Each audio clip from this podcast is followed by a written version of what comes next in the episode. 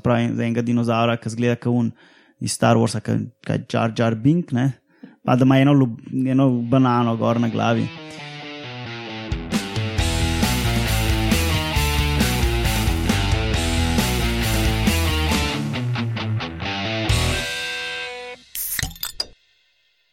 Lep pozdrav, poslušate 48. oddajo Metamorfoza. Metamorfoza je podcast o biologiji organizmov. Zdaj se tukaj oko že vsi režijo, zato ker uh, je to drugi del oddaje o dinozaurih in jo seveda snemamo 5 sekund zatem, ko smo zaključili snemati prvo oddajo. Pa, A boš spet povedal, kaj je bilo na današnji dan?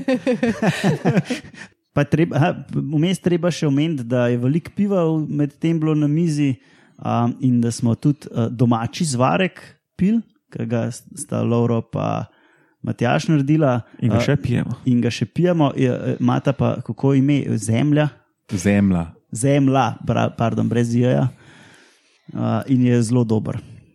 Temen kot najna duša. No, kakorkoli že, če je kdo naključno zajadral v to 48. epizodo, to je drugi del pogovora o dinozaurih, tako da priporočamo, da poslušate tudi prvi del, če pa ne želite, pa tudi prav. Pač ne boste vedeli, kaj so dinozauri. Ja, tako da uh, v tem drugem delu bomo pa povedali nekaj o obnašanju dinozaurov, parjenju, oglašanju, toplokrvnosti, vse sorte takih reči, pa še na par odgovorov poslušalcev bomo odgovorili, tako da bomo kar začeli z obnašanjem. To je tvoje, Roman. O, eh, spet prežigam telefon, samo sekundo. Ok, evo, eh, sem plonkič ven dobil, jaz moram nekaj o obnašanju. Jaz sem mislil bolj izpostaviti socialnost, se pravi, neko družabnost teh zadev, pa, pa ne na Facebooku, takrat ga še ni bilo. Zdaj, o, o socialnosti lahko sklepamo, ne, kot si predstavljamo, lahko samo iz fosilov, oziroma iz tega, kar vidimo danes pri ptičih. Iz fosilov vidimo v bistvu, če so bila trupla fosilizirana tako naenkrat, recimo, da je ne ena skupina bila naenkrat zasuta ali kako koli so pač preminuli, oziroma recimo v odtisih v kakšnem blatu. In to so lahko velike črede, bile po, lahko tudi po tisoče teh živali. Zdaj, zakaj so se pa združevali v skupine, pa lahko sklepamo, da mogoče so skupaj uh, vzgajali mladiče, ali pa mogoče že prej valili v skupinah. Lahko so se združevali zato, da so ščitili te mladiče, uh, lahko da so bili na kakšnih migracijah, da so se prehranjevali, se telefon ogasnil vmes. Lahko so lovili skupaj. Um, no, čreda je lahko tudi zaščita pred uh, plenilci. Kakšnimi plenilci? Kdo so pa bili? Ja, verjetno bom hitreje povedal, če povem, kdo niso bili plenilci, ne? pač sesalci niso bili plenilci. Um, so se pa verjetno med sabo, pa uh, tiste skupine, ki jih je Matjaž že v prejšnji epizodi omenjal, ki niso dinozauri, ampak so kateni kot dinozauri v morju, ali pa leteči, ali pa krokodili, recimo. Ne vemo pa čistočno. Ne? Ampak glede na to, kje so bili mesojedi, takrat lahko sklepamo, da so to ti, ki so jedli dinozaure, ker drugega zgor ni bilo. Ne. Ja, vemo celo iz fosilnih ostankov, um, da so recimo tiranozauri so bili sodobniki triceratopsov. To so tisti, da, da se spomnimo, ko imajo na glavi rogove, pa tisto krona, tisti kronasti ščitne. Da so recimo tiranozauri znali napadati triceratopse, mislim, da so našli nekaj odtise zob uh, zaceljenih v kosteh ali nekaj takega. Pa mislim, da so nedavno, ne, mesec, dva nazaj, celo našli neke druge dinozaure v boju, pa se zdaj ne spomnim točno, katere skupine. Ja, se, verjetno so se bili glavni plenilci Ja, ja, pač kar- med sabo. Ne. Karkoli je takrat okoli hodilo, ne, so bili plen in plenilec en drugemu. Ne. Ja. Vse je tako danes. Aha, in zdaj sem najdel, evo, to je bil uh, naš zvesti poslušalec Igor. Uh, je dal uh, eno izmed vprašanj, ki jih je postavil, to, kdo jih je ogrožil. Se pravi, če so bili tako tako socialni po velikih čredah, a so tudi intenzivno komunicirali sa, med sabo. Ja, zelo dobro vprašanje. Um, seveda, med sabo so se dosti sporazumevali, ampak mogoče ne na tak način, kot si mi danes predstavljamo, vsaj na mogoče na lajče načine.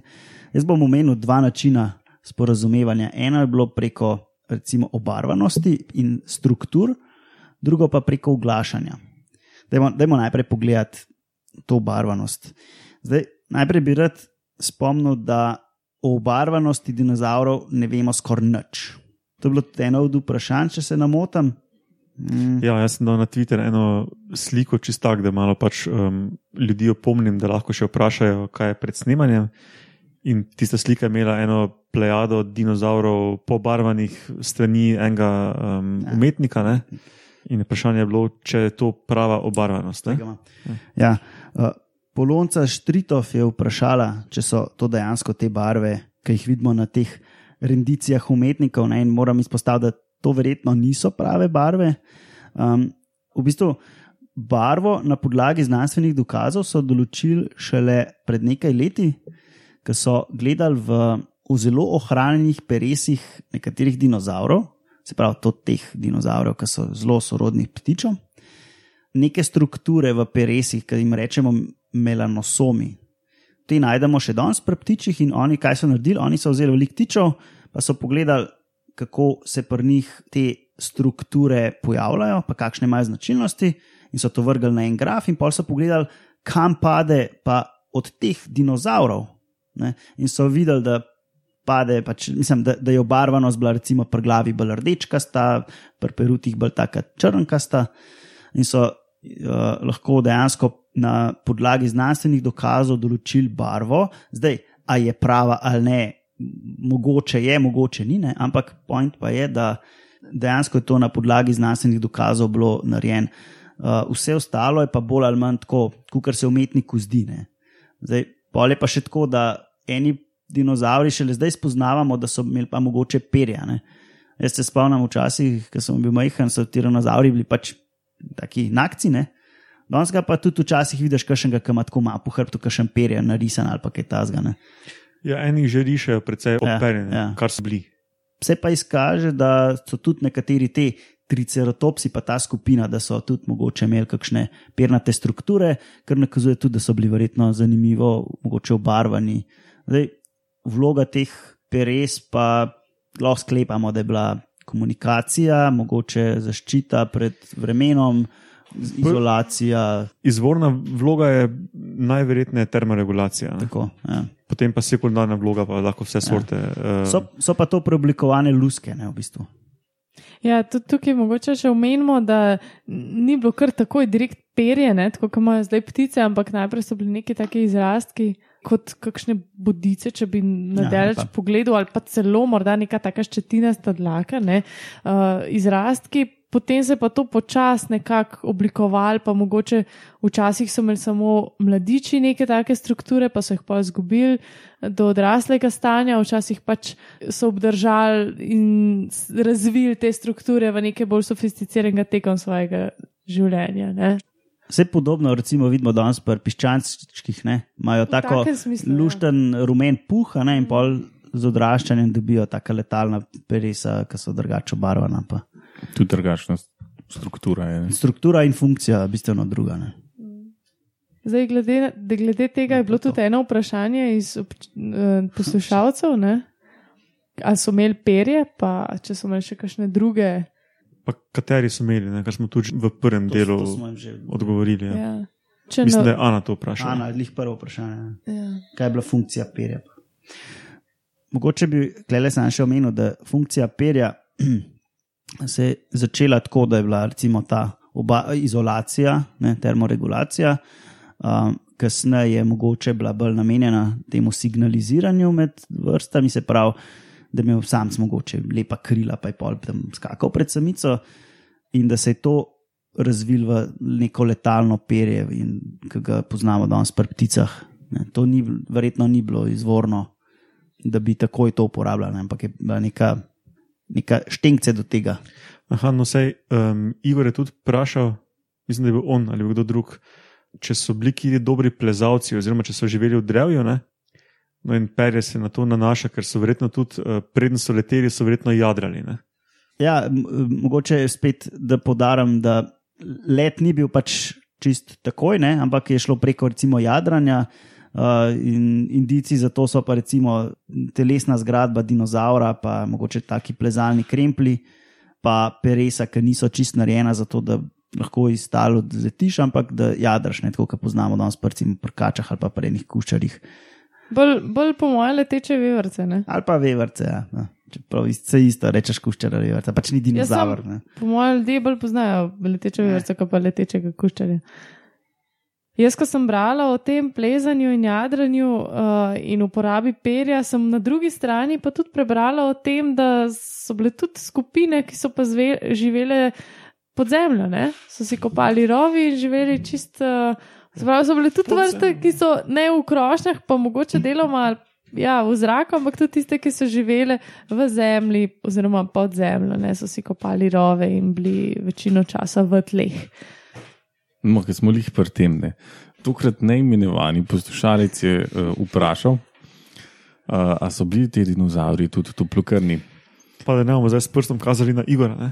Ne, ne bomo ga s prstom kazali. Torej, ta nekdo uh, je bil zelo fepčen in torej, odvisen, koliko časa nazaj gledamo. Ne. Če v 60-ih so menili, da ne, pol malo kasneje so menili, da so in zdaj spet menijo, da so. Uh, naj razložim. Ne. Toplokrvnost je, je taka um, hecna reč, ki se pojavlja pri živalih, ki je pa posledica tega, da encimi delajo zelo oskem temperaturnem območju. Ne.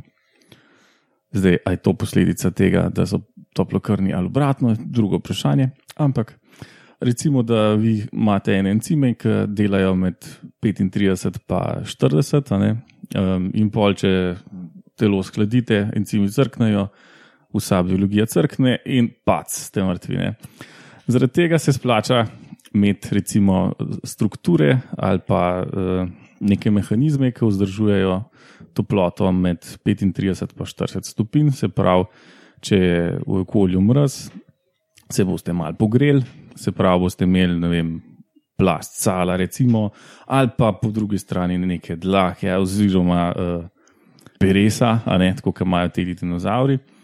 Ali pa recimo imate mehanizme, kako ohranjati telesno toploto. Še, recimo, uh, to lahko delamo tako, da, da mišice drgetajo, um, ali pa tako, da ne vem, neke membrane puščajo, mitohondriji tam neki šopajo, uh, pustimo detalje.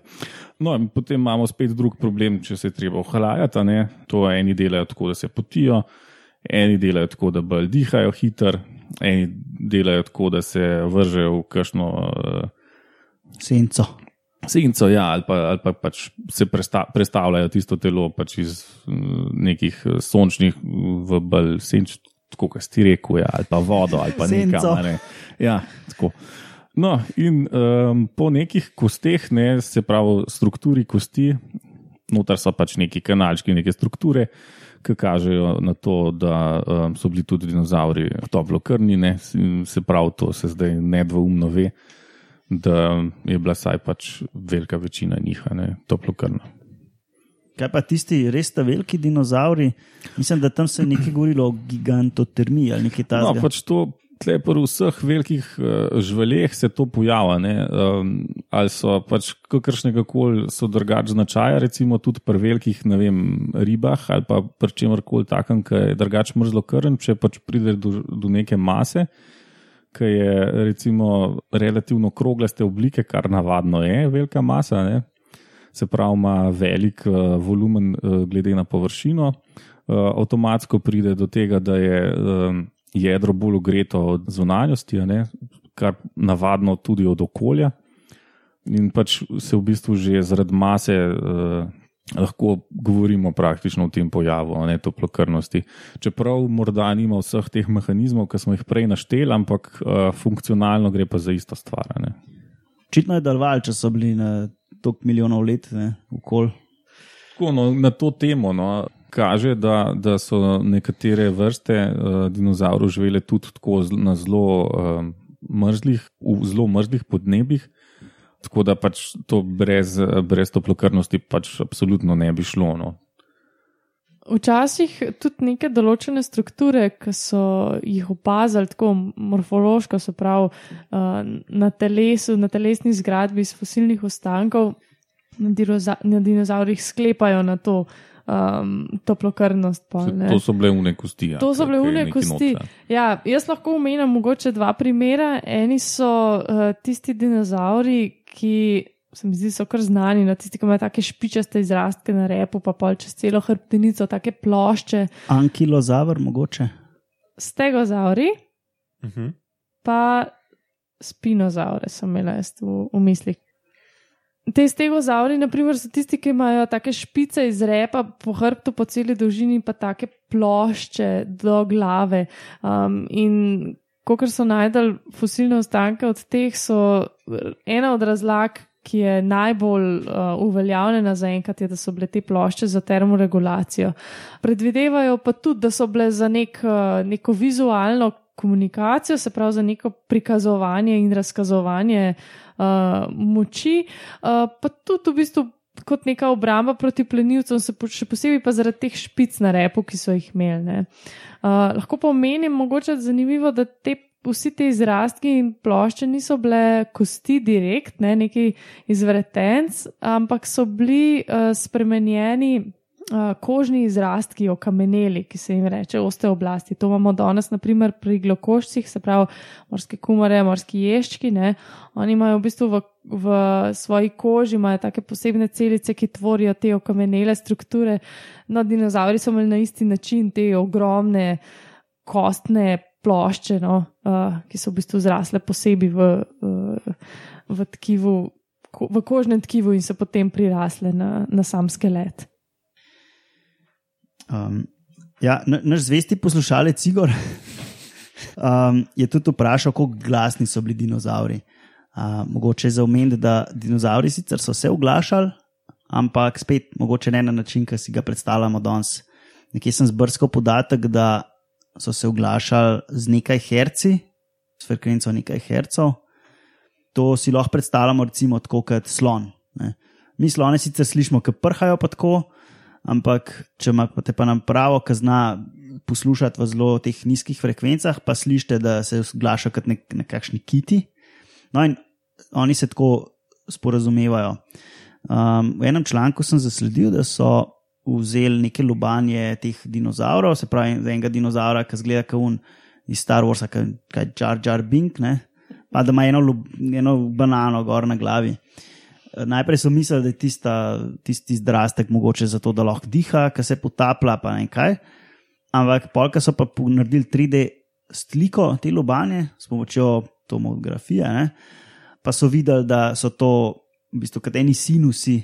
In ko so simulirali zvok, so ugotovili, da je to v bistvu kot en rezonator, zato da so lahko ujačali te njihove pritaljene zvoke, ki jih recimo mi ne bi slišali. In to so uporabljali, verjetno, zato, da so se med seboj pogovarjali nekako. Ne.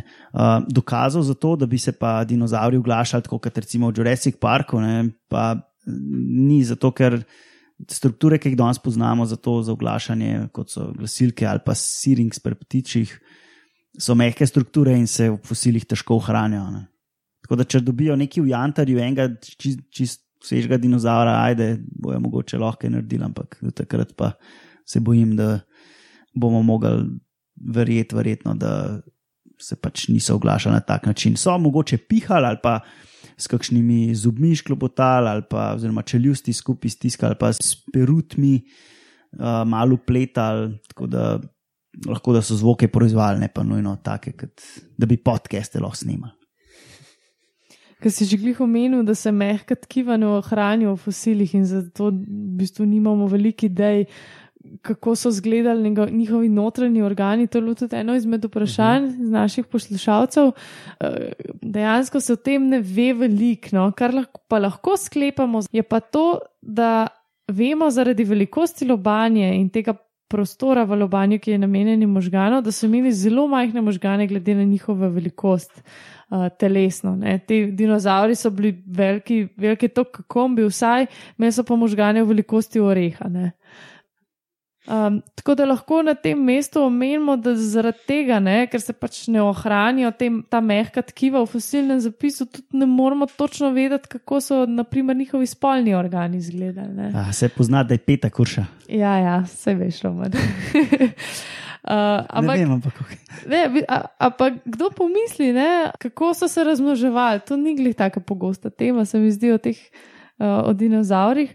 Ampak, no, kot sem, kakor sem razbrala, zdaj, če, če iščemo neke usporednice z dinozauri, ki so danes še med nami, se pravi pticami, ne, vemo, da ptice imajo kloako in da se razmnožujejo sicer z notranjo oploditvijo, ampak tako, da se v bistvu samec in samica s kloako dotakneta in s tem se prenese semenčice v samične pač spolne organe in tako, se, tako pride po, posredno do oploditve.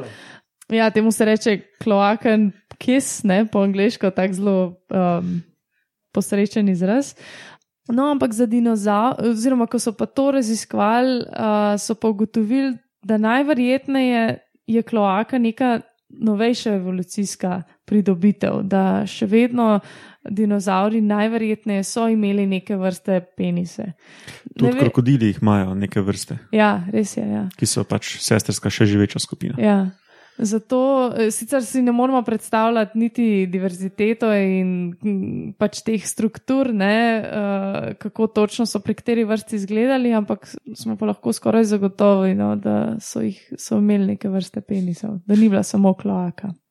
Ja, pa pri kakšnih vrstah, ki imajo take te strukture ne, za obrambo ali za termoregulacijo ali karkoli po hrbtu, ne, to težko bi bilo razmoževanje na tak način potekalo, kot pač pri psih ne, ali pa pri katerih koli drugih sesalcih danes, danes. ali pa pri ptičih, konc koncev, ne en na drugega. Ne moreš, če imaš tam neke špice z hrbta. Tako da to je še velika neznanka. Če sem malo. Ja, uh, Igor je tudi vprašal, kaj razen kosti, zobov in jajc se ohrani do danes. Um, zdaj Urša je že povedala, da se mehka tkiva težko ohranjajo. Tudi koža in kožne strukture, ki jih sicer občasno najdevamo, se bistveno teže ohranjajo, bistveno slabše ohranjajo kot kostine. Zato pač večino stvari poznamo iz kosti ali pa iz odtisov nekih mehkih struktur. Ne. Ja, veliko bolj ohranjena so naprimer jajca, tako kot je omenil, in zobjene.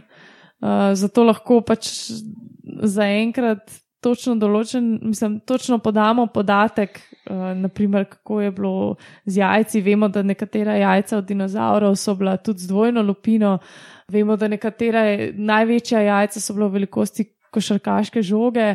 Uh, vemo, da pač nekateri so, so jih valili samo po par naenkrat, ampak večkrat, ne? nekateri so pač cel zarod naenkrat izvalili, ker pač najdemo celotna gnezda, oziroma tudi same dinozaure na gnezdih.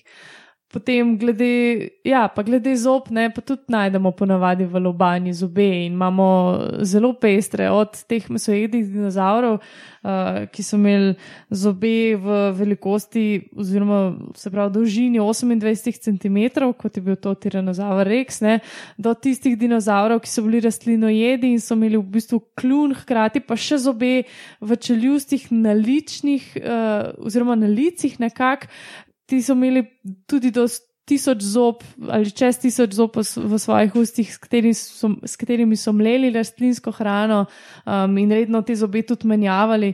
Skratka, te strukture se zelo dobro ohranimo in zato pač lahko tudi dobro vemo uh, o njihovi prehrani in o, um, o sami morfologiji, anatomiji. Ne? Jaz bi se samo za trenutek še vrnil na razmnoževanje, ker je namreč uh, uganete, kdo vprašal. Če so imeli vsi isti način parjenja, to seveda ne moramo vedeti, ampak pri taki diverziteti dinozaurov lahko mirno rečemo ne. Ampak um, ne moramo pa vedeti, v kolikšni meri so uporabljali vidno signalizacijo, se pravi neko barvno, uh, neko barvno barvo perja, ali pa koliko je, bila, koliko je bil zvok pomemben pri dvorjenju, recimo, to samo špekulacije. Ne, tako da. Sigurno pa so mogle biti med skupinami razlike, ne? se pri taki raznovrstnosti živali so vedno razlike. Mm, ja.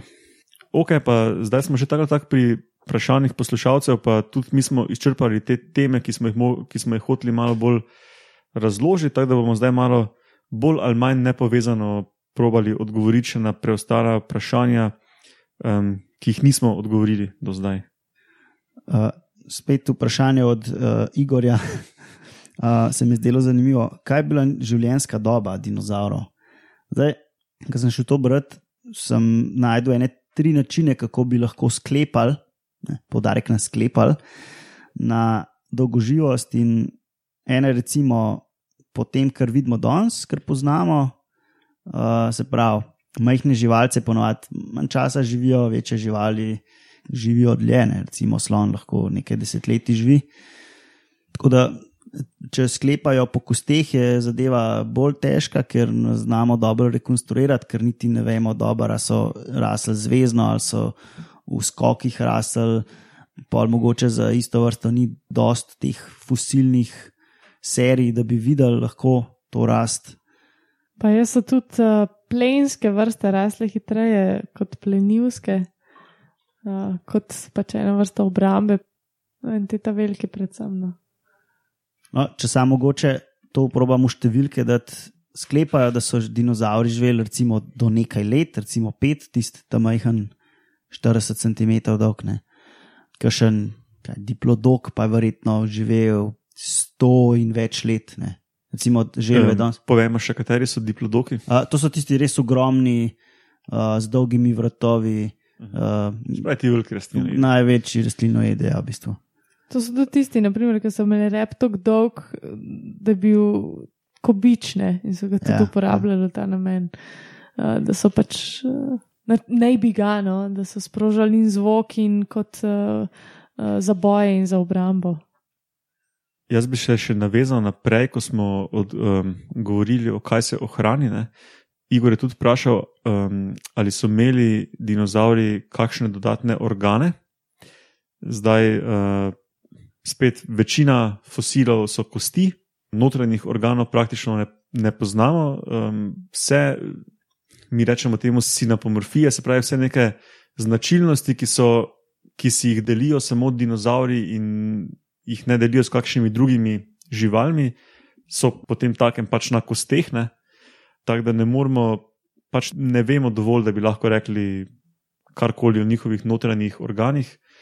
Ampak glede na to, da dinozauri še živijo v obliki ptičev in da živijo njihovi oski sorodniki krokodili, iz tega lahko sklepamo, da verjetno niso imeli nekih blazno posebnih organov, so pa mogoče ti organi, ki so jih imeli, pač drugače izgledali in funkcionirali. Ne. Um, to je pa tudi verjetno to, kar lahko o tem rečemo. Ne. Um, še eno vprašanje je prišlo od Duroša Miklavčiča, ki je napisal, za koliko vrst dinozaurov se je do sedaj izkazalo, da niso samostojne vrste, ampak samo različne faze odraščanja ene vrste. Zdaj, to, to, to je strašno komplicirano vprašanje, ki ga le nismo na, uspeli najti enega Ne. pametnega. Odgovor je enostaven in je 42 roman. Ok, 42 cela, zelo kompleksno. Uh, in ker nismo neki um, aktivni dinozaurologi, um, smo to vprašanje poslali v eter in upamo, da bomo dobili odgovor. Jaz sem pisal eni skupini, ki se ukvarja z dino, dinozaurologijo, bom temu tako po domače rekel. Ampak um, pričakujem v bistvu odgovor, da seveda ne vejo, pri kolikih vrstah se je to zgodilo, ker um, mi smo zdaj sicer v dobi genetskih podatkov, da pridobivamo filogenetska drevesa, pa tudi določamo vrste, recimo. Ampak jaz sem dovolj star, da sem tudi imel nekaj stika z um, srodstvenimi drevesi na podlagi morfologije. Ne? Se pravi, da ti pač telo organizma gledaš in probaš neke na telesni zgradbi neke podrobnosti najti in ovrednotiti in to imeti v nekem datasetu in poganjati komplicirane analize, bla bla bla. Ne? No, skratka, to so zelo komplicirani postopki in že pri živalih, ki še živijo, so problemi. Ne?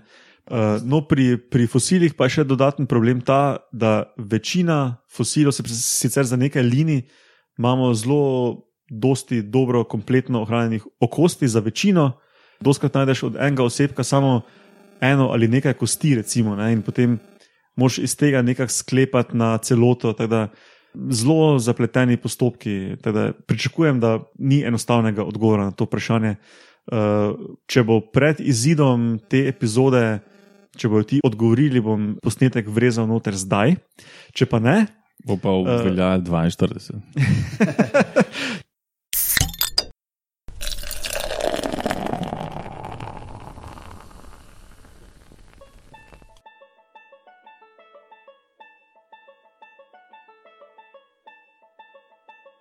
No, kot ste verjetno že ugotovili, smo dobili odgovore na urošo vprašanje po e-mailu, tako da zdaj tukaj sedimo v Romanovi, oziroma sedim z Romanom v Romanovi antični hiši v njegovi dnevni sobi, zdrav Roman. Živijo.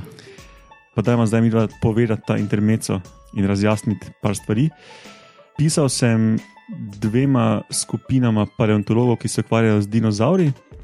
Pisal sem Davidu Normanu, ki je mentor temu študentu. Če se spomnite prve oddaje, sem omenil dve študiji. Eno, ki je um, prišla do revolucionarnih odkritij, kar se tiče sorodstvenih odnosov. Ta glavni ved dinozaurov, torej uh, David Norman, je bil je mentor temu študentu, ki je prvi avtor te študije. Drugemu pa sem pisal o Sterlingu Nesbitu, ki je pa prvi avtor tiste študije o Teleokraterju, tistemu predniku dinozaurov, ki zgleda kot mešanca varana in krokodila. No, in David Norman je odpisal in pravi, da identifikacija delov oziroma izoliranih kosti skeleta od živali, ki so že davno nazaj umrle, je vedno resen problem. Faktori, kot so raznovrstnost med osebki, kako daleč med odraščanjem jih najdemo, in spolni dimorfizem, so zakomplicirani faktori.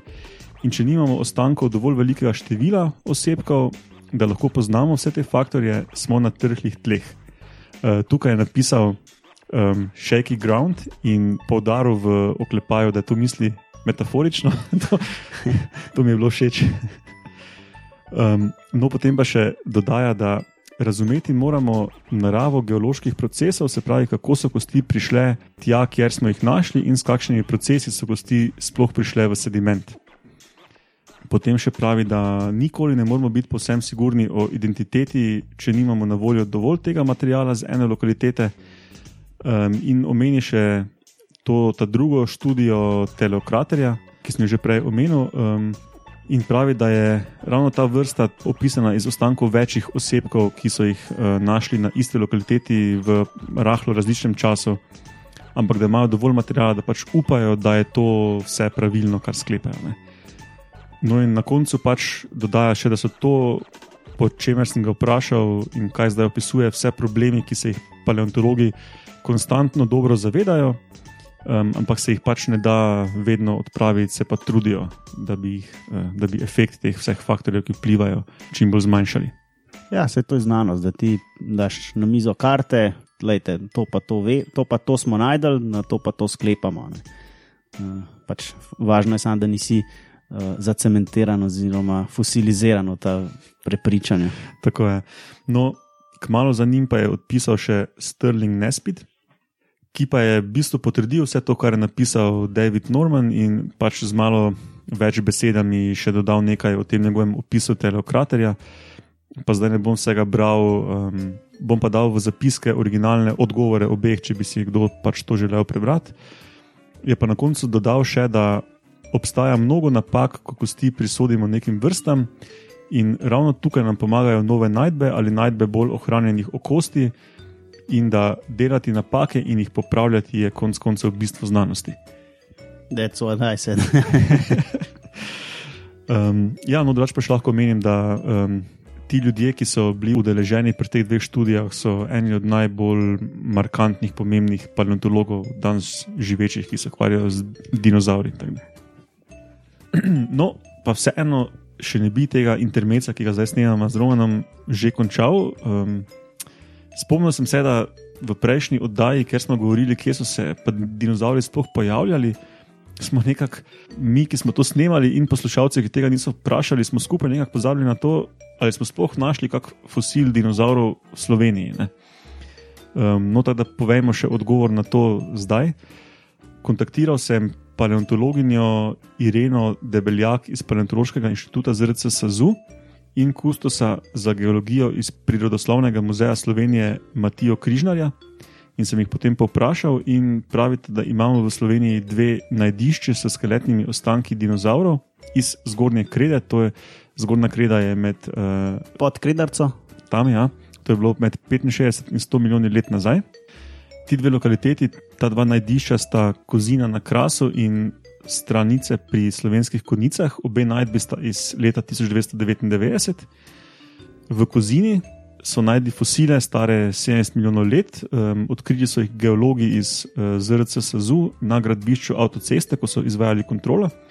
Iz kosti niso mogli dosti pogruntati, po zobeh pa so identificirali dva tipa dinozavrov.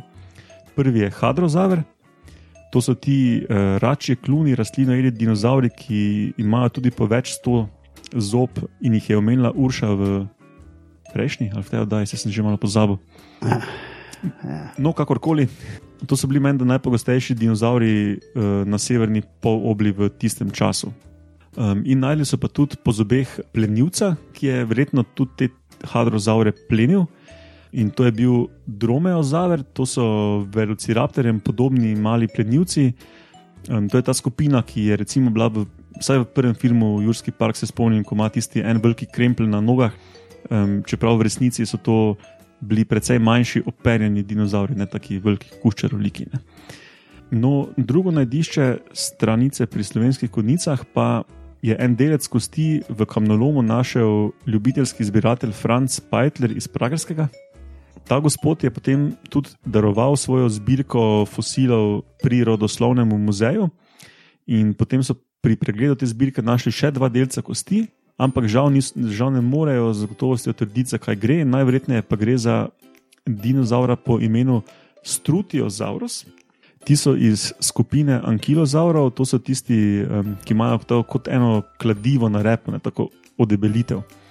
Um, ampak ti s kladivom na repu so takrat živeli v Severni Ameriki, v Evropi, na tem področju, so pa bili manjši predstavniki brez tega kladiva, to je ta Strutiosaurus. Ne. Um, Tako mimo grede, pa ankilozaura tega s kladivom, severnoameriškega si pa lahko tudi pogledate v živo, restauracijo, konstantno na voljo v predoslovnem muzeju. No, potem pa obstaja še tretja lokaliteta, kjer gre za stopinje, ki so jih našli pri Godoviču, so iz poznega triasa, se pravi, so starejše. Ampak oba ta omenjena strokovnjaka menita, da uh, pri teh stopinjah ne gre za dinozavrske stopinje, ampak za nekega drugega vretenčarja. Um, so pa slabo ohranjene, to nadišče ni zavarovano in um, v bistvu se jih komaj še vidi. No, menda. no pa tudi zdaj še ne bi zaključil s tem intermecem, ker je vmes. Um, Pred par dnevi, mislim, da pred dvema ali tremi dnevi, šla še ena študija o perju, pa sem mislil še nekaj dodati o perju, glede na to, da um, so poslušalci to kar spraševali. Ko smo povedali malo prej v oddaji, se je perje razvilo iz lusk, ki so včasih um, zelo luskam podobne, včasih bolj nekim ščetinam, pozneje v evoluciji pa postajajo to bolj neka kompleksna peresa, kot jih najdemo pri današnjih ptičih. Ne. No, že v 39. oddaji Metamorfoze smo recimo razložili najdbo 29 milijonov let starega dinozaura s perjem po imenu Mikroraptor. Tam, na primer, že ugotovijo, da ima perje tiste kaveljce, podobne um, kot tudi peresa današnjih ptičev, da pač upenjajo, pa držijo skupaj to neko togo strukturo.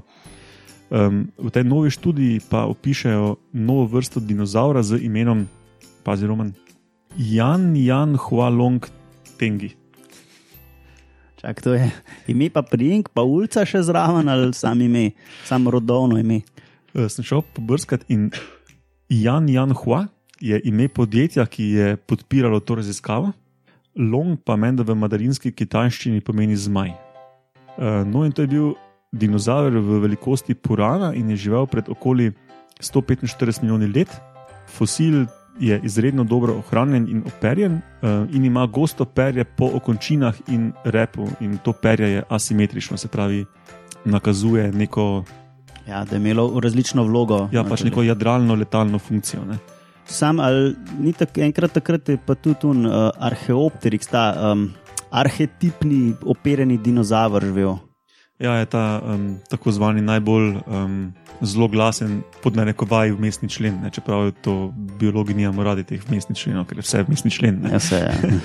ja, um, tudi Arheopteryx je živel pred okoli 150 milijoni let in bil podobno operjen, ne? se pravi po okončinah, pa repu. In sklep, glavni sklep te študije je, da imamo zdaj več, več kot 100 milijonov let starih fosilov dinozavrov, ki so operjeni tako zelo močno z nekim perjem, ki um, nakazuje neko funkcijo jadranja po zraku, vsaj če ne letenja. Ne. Zraven Arheopteryxa in tega Jan Jan Hualonga je to še preomenjen Mikroraptor in še par drugih. In zanimivo je, da so pač ti sorodstveno kar daleč stran eno drugega. Ne? Ni tako zelo osko sorodna linija. Recimo, um, lahko sklepamo, da že vsaj pred 150 milijoni let um, je bilo več linij dinozavrov, ki so imeli kar kompleksno perje. Ne? Je pa treba tukaj tudi omeniti, da to ne pomeni, da so imeli čisto vsi kompleksno perje. Ne? Recimo en taki zanimiv primer bi bili tiranozauridi, ne? se pravi ta familija, kjer tudi eh, tiranozaur Rex noter pripada. T-Rex je imel meni, da bolj, je- bil mal, malce bolj operjen, tak s kakšnim puhom, recimo. medtem En ko so- piščanc z Ja, velikimi ja. zobmi. Medtem ko so kakšni njegovi sodobniki, ki so živeli hkrati, eh, pa bili tudi še precej luskavi. Recimo, ne, tako da, um, to sem hotel še dodati, kar se perja tiče. No, ja, tada, če nimaš ti še kaj za pripomniti, uh, gremo nazaj na zaključek te druge oddaje o dinozaurih. Ja, gremo. Okay.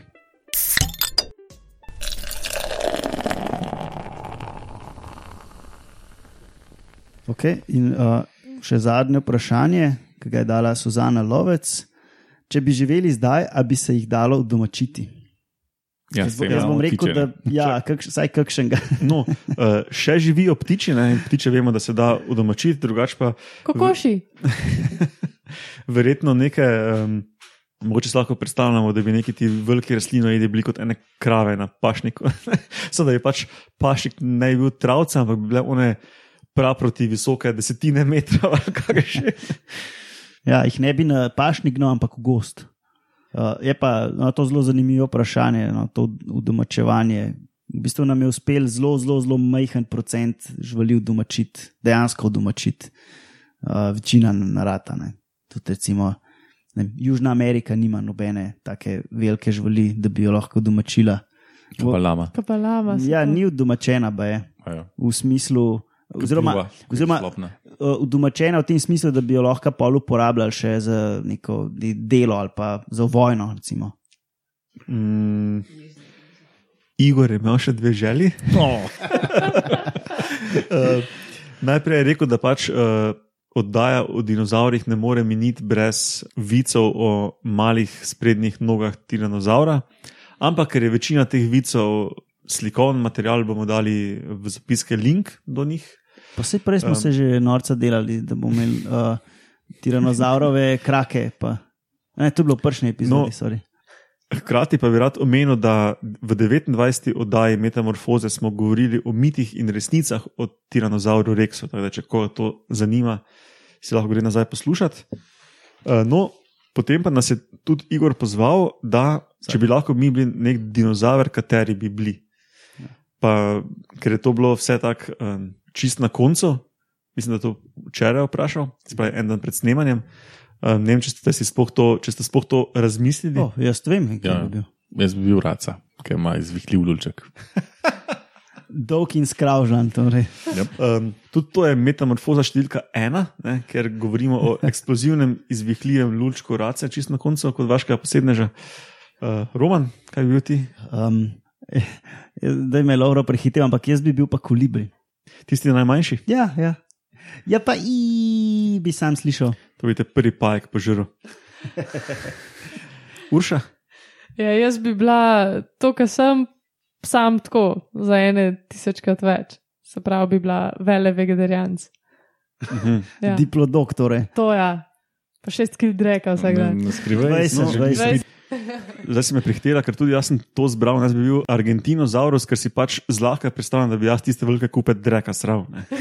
Uh, pač čist iz vlastnih izkušenj, po samem o sebi. Ja, sploh ne bi bilo tako ekstrapolirati, treba. Ja, potem pa to sklene to 48. oddajo, ta drugi del um, o dinozaurih.